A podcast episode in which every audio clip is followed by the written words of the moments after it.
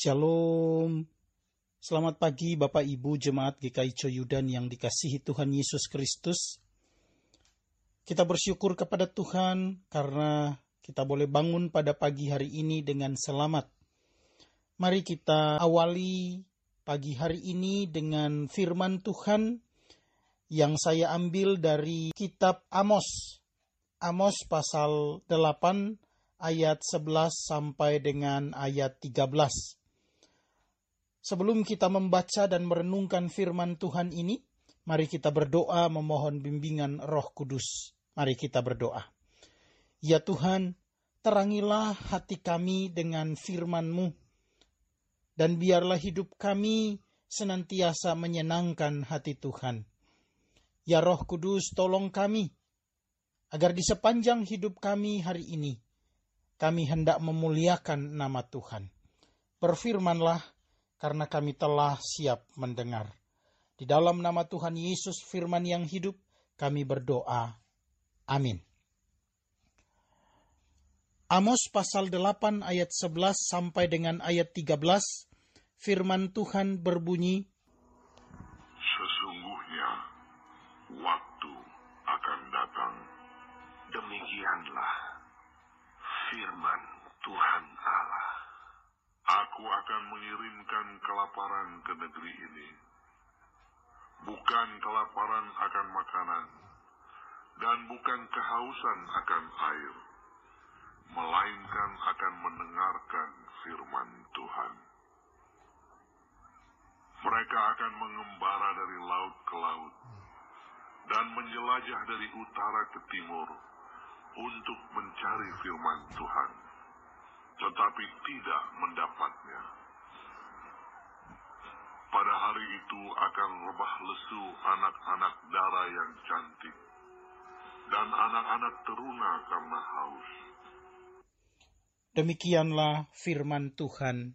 Haleluya.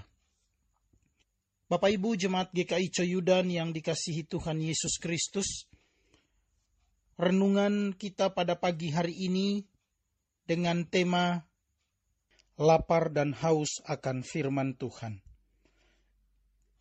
Kedatangan Tuhan dipikirkan orang Israel sebagai tindakan penyelamatan atas umatnya.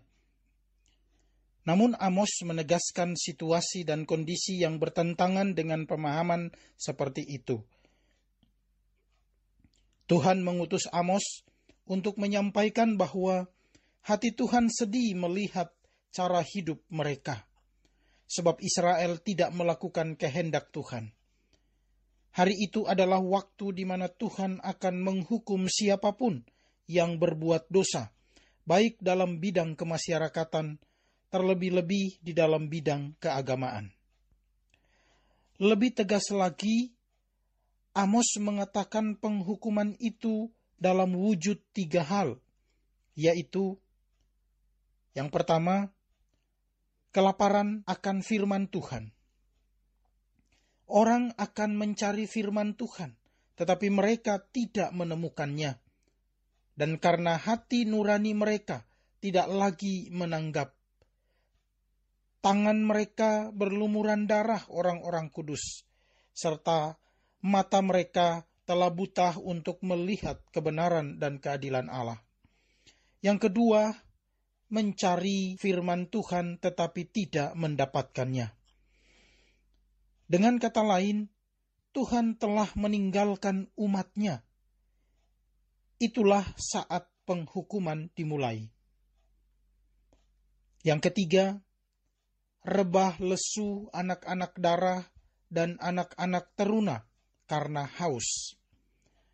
Begitu hebat kehausan itu, sehingga dikatakan kaum muda akan terkapar, tidak berdaya.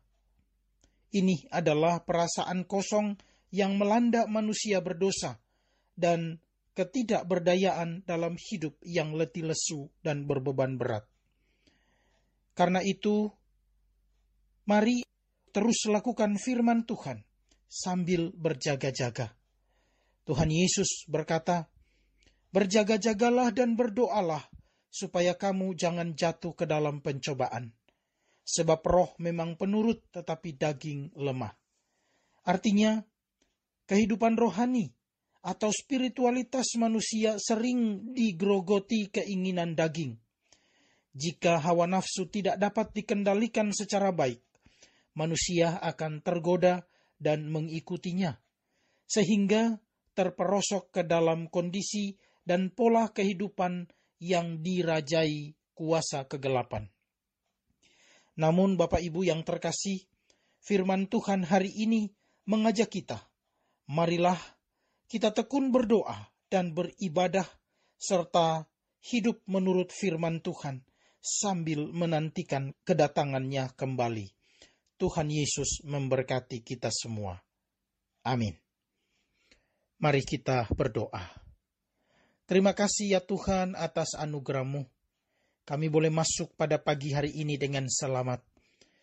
Kami hendak memulai seluruh aktivitas kami kami mohon Tuhan tolong kami di dalam seluruh karya-karya kami hari ini.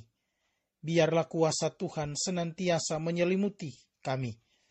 Kami serahkan hidup kami seluruhnya ke dalam tangan pengasihanmu.